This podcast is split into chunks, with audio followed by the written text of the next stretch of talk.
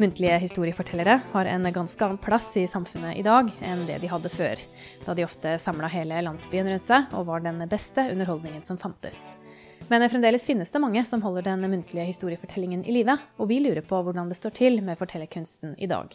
Du hører på Plottet, en podkast fra Kulturplott, og vi spør hva kan de som forteller historier i dag, fortelle oss om det å fortelle? Jeg heter Elena Gundersby Gravdal, og nå skal du få møte Hege Meraker Aas.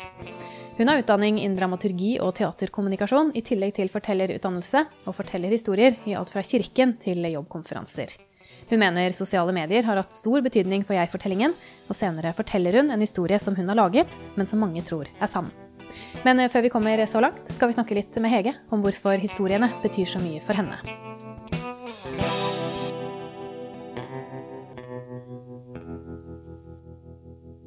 Mitt forhold til fortellinga er knytta til relasjoner, tror jeg.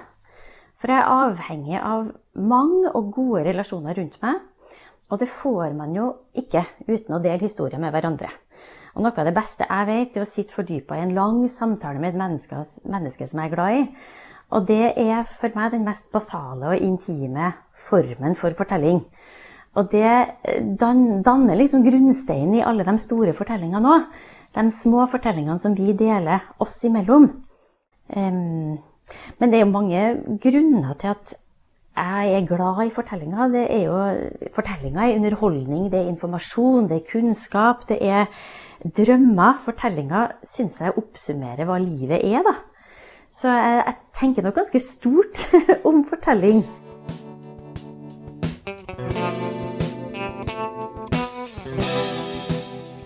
Da Hege var liten, var hun mye på sykehus. Om kveldene kom foreldrene og lillebroren innom på besøk, og det ble fortalt historier. Og der oppsto fascinasjonen for fortellinger. Om det nå var Pippi eller Askeladden, så smitta de helteegenskapene deres over på meg. Jeg ble større og sterkere av å høre om dem. Og det er en viktig årsak til at historia ble med meg. Eh, jeg har hatt det i meg siden jeg var liten, at det er noe som eh, bygger håp og bygger sjøltillit. Og så mm, trodde jeg nok ikke at jeg skulle gjøre noe ut av det som voksen. Altså, alle hører jo historier. Det er veldig veldig mange som blir lest for som barn. Og det er jo, det er jo liksom Mens folk drømmer om å bli brannmann eller lege, så tror ikke jeg noen som tenker at jeg blir stor, skal bli forteller.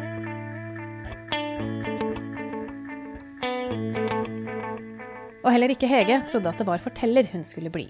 Lenge holdt hun på med både musikk og dans, selv om hun underveis også studerte fortellerkunst. Det hele endret seg da det kom en stillingsannonse som Hege følte var skrevet til henne. Og den hadde overskrifta 'Kirken og fortellingen', og søkte rett og slett etter en person som skulle jobbe med å fortelle historier i kirka. Og jeg kunne bare ikke la det være. Det ble en sånn fantastisk mulighet til å få prøve ut det jeg hadde lært. Og her var jo målet da, å nå ut med historier som er flere tusen år gammel, og få folk til å tro på det umulige i ti minutter. Og det å kunne åpne opp de fortellingene så folk kunne oppleve at de fremdeles var relevant og kunne ha verdi, uavhengig av hva de sjøl trodde på, det var en veldig sånn spennende utfordring for meg. Men det der med å klare å få folk til å bli revet med av fortellinger som de kanskje nesten egentlig ikke tror på engang, eh, hvordan gjør du det? Hva er det du gjør da? For meg ble det viktig å eh, hente dem ned, hvis du skjønner. For jeg tror at folk som eh, Når man tenker religiøsitet, så er det noe uh, litt sånn fjernt uh, og lite jordnært over det. Selvfølgelig, når det er skrevet for lenge siden, men også at det handler om, om det nå er kristendom eller en annen religion, handler jo om guddommelige skikkelser. Eh, og man skal ikke frata de fortellingene undringa og den storheten i det mystiske. Det er viktig, men samtidig så ble det vesentlig for meg at folk som lytta, skulle skjønne at ja, men det her handler jo i bunn og grunn om mennesker. For menneskene i Bibelen, da, f.eks. Kirka ville jo helst fortelle fra Bibelen, og ikke fra noen annen religion. Men eh, de bibelske skikkelsene, altså menneskene der, de opplevde jo det samme som vi gjør i dag. Der var det kjærlighet og forelskelse, og det var svik og sjalusi, og noen døde i krig, noen døde i sykdom. Det var sorg over barn som ikke ble født. alle de her dypt menneskelige tingene, så greide folk på en måte å ta det inn og kjenne at her kunne jo vært meg. Det her handler om noen jeg kjenner. Det her var ikke så fremmed. Og da, da, tenker jeg at de historiene får en helt annen betydning, da. Uavhengig av om du tror på eh, budskapet, det store budskapet bak eller ikke.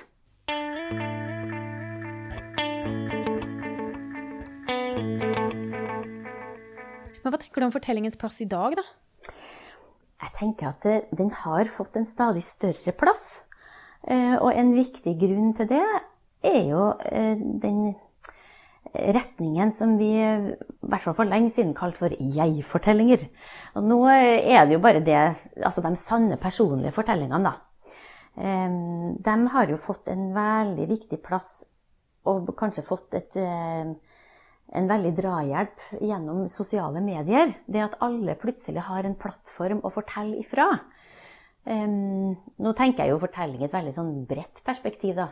Mm. Men det har jo blitt uh, vanlig også ved utdanningsinstitusjoner å legge vekt på de personlige fortellingene. Og de er jo viktige fordi de skaper så tydelige og trygge bruer mellom mennesker. ikke sant? Vi deler og byr på oss sjøl, og det igjen blir til trøst og inspirasjon for andre. Og, og, livet blir mindre skummelt og mindre ensomt når vi deler våre historier. Og de, de historiene var jo før bare rent privat. Og så har jo de gradvis de siste ja, 10, kanskje 20 årene blitt henta veldig fram, sånn at de også blir brukt scenisk. Det er jo Grand Slam, og det er mange store fortellerscener som bruker akkurat den type fortellinger. Eh, så jeg tenker at skillet mellom det profesjonelle og det amatørmessige også har blitt litt viska ut. Men da er det altså flere som bruker fortelling, og som ser at det hører til på en scene. Mm. Eh, og møtet med din fortelling blir jo en påminnelse for meg om hva som er min identitet, min fortelling. Og jeg tror at det appellerer til folk. At fortelling oppleves at, at liksom Oi, min identitet, min personlige historie, den teller i det store hele.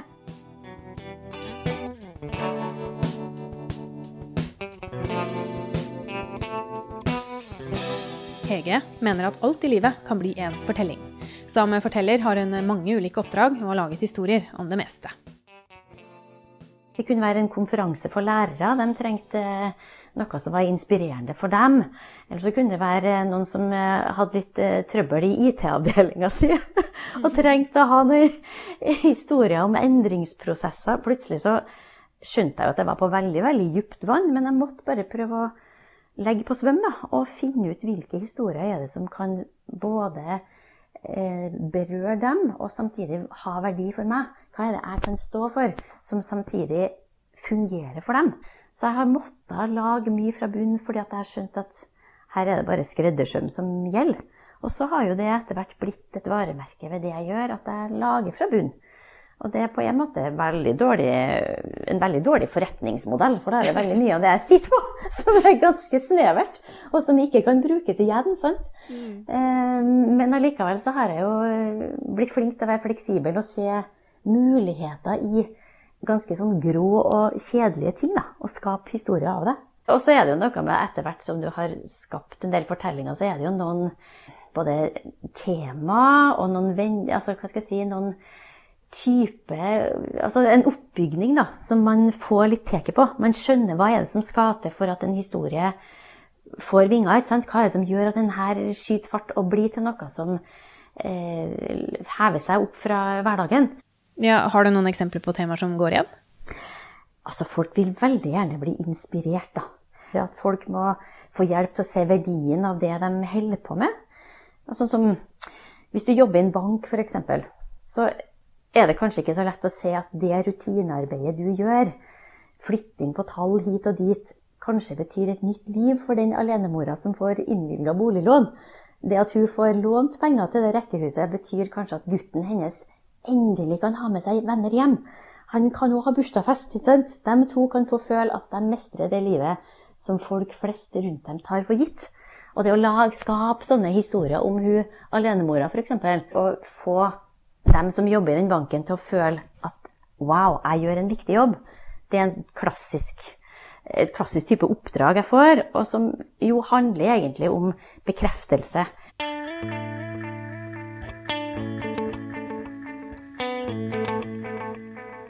Den eh, fortellingen som du skal fortelle her, hva kan du si om den?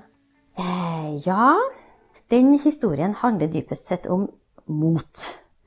Eh, det er noe som jeg tenker er det er allmenngyldig. Vi trenger det alle sammen. Og noen ganger i livet må vi jo ta valg som koster mye. Og de koster mye fordi vi ikke vet om det kommer til å gå bra. Det krever mot.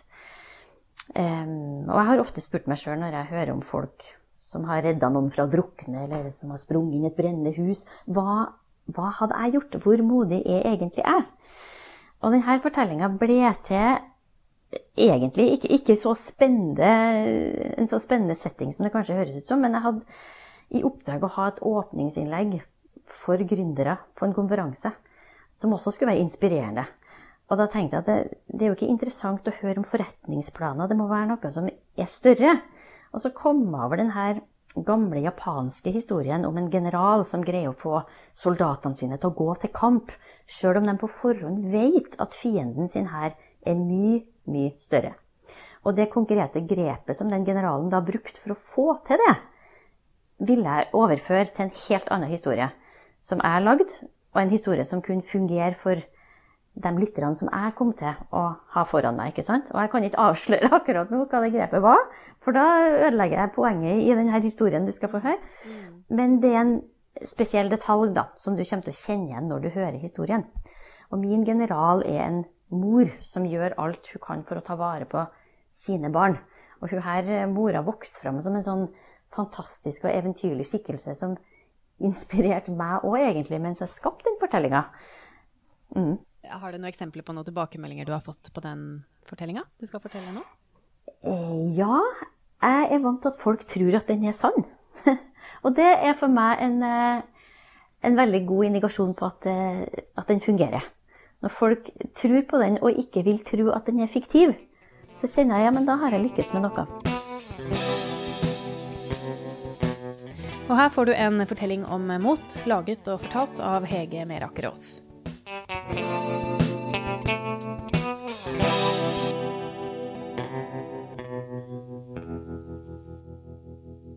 Jeg skal fortelle om noe som hendte for en stund siden. Og det handler om Irene. Og hun har ingenting imot at jeg forteller denne historien. Og derfor forteller jeg den ofte. Og jeg begynner alltid med slutten. For helt på slutten av historien skulle Irene akkurat ta og reise seg fra et gammelt skrivebord. I det øyeblikket da hun sto der foran skrivebordet, så fikk jeg øye på et kronestykke som lå der. Et veldig gammelt kronestykke. Og hun smilte for seg sjøl og holdt det opp mellom fingrene og liksom veide det i hånda. Og da forsto hun plutselig noe som hun aldri hadde skjønt før. Og det var som om årene ble viska bort i løpet av ett klart sekund. Og hun kunne høre mora si sin stemme helt tydelig. Jo da, det her greier du. Se, der er porten vi skal inn. Nå ser vi hvem som greier å liste seg bort dit først. Og Klara hun var oppglødd, og den iveren som hun hadde, den smitta over på de tre ungene. Én etter én pilte de fram i mørket. Og plutselig hadde alle glemt at de nettopp hadde grått. De kom omsider fram til låven, der som mora hadde skaffa dem et rom for natta. Og de klatra på den smale stigen som gikk opp til loftet, og Klara trakk stigen opp etter seg. Og så datt de sammen på halmmadrassene, alle fire. De hadde vært på flukt i mange dager. Og de hadde både spist og sovet altfor lite på reisa mot Sverige. Og det var først da alle tre ungene hadde sovna, at Klara satte seg tungt ned og begravde hodet i hendene. Hun ante ikke hvor langt det var igjen, eller hvordan hun skulle forsørge dem når de kom fram. Alt hun visste, var at de når som helst kunne bli oppdaga. Mannen hennes var motstandsmann, og hun hadde hele tida visst at det han holdt på med, det var farlig dødelig. Men hun hadde lovt han å være like modig. Han hadde gitt henne tre barn, og hun hadde ikke råd til å miste ett eneste av dem. Neste morgen så vekka dem før sola hadde rukket å stå opp. Hun kom med et par brødstykker som hun hadde fått fra kona på gården. Kan ikke vi bare bli her litt, da? Klinka Irene. Hun var fire år, hun, og hadde fremdeles søvn i blikket. Tosk, sa storebroren, Knut på ti. Da kommer jo soldatene til å finne oss, da, vet du. Han hadde ikke før sagt det, før de kunne høre at noen ropte på tysk ute på gårdsplassen. Ada, hun som var sju, hun hadde akkurat satt seg opp på madrassen, og nå stivna i bevegelsen. Ned på gulvet! Ikke tenn lyset! Klara hun la pekefingeren foran munnen, og Irene begynte å skrike og klamre seg til mora. Hysj, hysj, nå skal vi leke noe morsomt. Nå kommer soldatene til å lete etter oss, akkurat sånn som Knut sier. Og så skal vi lure dem. Ungene stirra bare på mora. De var stum av redsel. Nå kunne de høre skritt over grusen, og de forsto at soldatene kom til å gjennomsøke gården. Mora så på alle tre. Blir dere med og ser hvem som greier å hoppe lengst ut av vinduet? Ingen av dem svarte. Det var langt ned til bakken. Klara tok frem et kronestykke fra lomma. Denne mynten det var far sin lykkemynt, og jeg fikk den av far da han reiste. Han sa at den alltid ville vise oss det som var rett å gjøre. Nå slår vi kron og mynt om det. Hvis den viser kron, så skal vi hoppe. Og Klara slapp mynten på gulvet, og det klirra i sølv ei stund før den ble liggende stille. Knut tok opp mynten, holdt den mot lyset. Kron! Da reiste mora seg og klemte ungene fort inntil seg. Nå kunne de høre tramping av tunge støvler på vei inn i låven, og de kasta seg mot vinduet. Så hoppa de. Knut først, deretter Ada. Og til slutt var det bare Klara og Irene igjen, og mora tok Irene i hånda. Skal vi se om vi greier å hoppe enda lenger enn Knut? Irene nikka, og hun stilte seg tappert opp i vinduskarmen. Så spente ifra, og hun seilte gjennom lufta og landa på gresset med et mjukt knekk. Av ett øyeblikk lå Irene helt stille. Så løfta Klara jenta si varsomt opp på ryggen. Og med Knut og Ada på hver sin side av seg, så la hun på sprang. Over jordene, gjennom skogen, hele veien uten én lyd. De lytta etter stemmer, støvler og skudd. Men ingen kom. Irene rensker stemmen og går mot kista. Hun drar fremdeles litt på det ene beinet etter at hun brakk ankelen den morgenen de flykta og hun holder noe opp foran seg. Noe som blinker i sølv. Det er et gammelt kronestykke. Det her var mor sitt. Hun hadde det i lomma den morgenen de flykta. Jeg har alltid lurt på hva som ville ha skjedd den dagen hvis det hadde falt annerledes og blitt mynt. Jeg fant det igjen i morges da jeg satt ved skrivebordet hennes. Og jeg la merke til noe. Denne mynten er tjukkere enn noen annen mynt. Den er nemlig smelta sammen av to kronestykker. Og den viser kron på begge sider. Mor hun redda livet vårt den dagen, hun. Med en historie.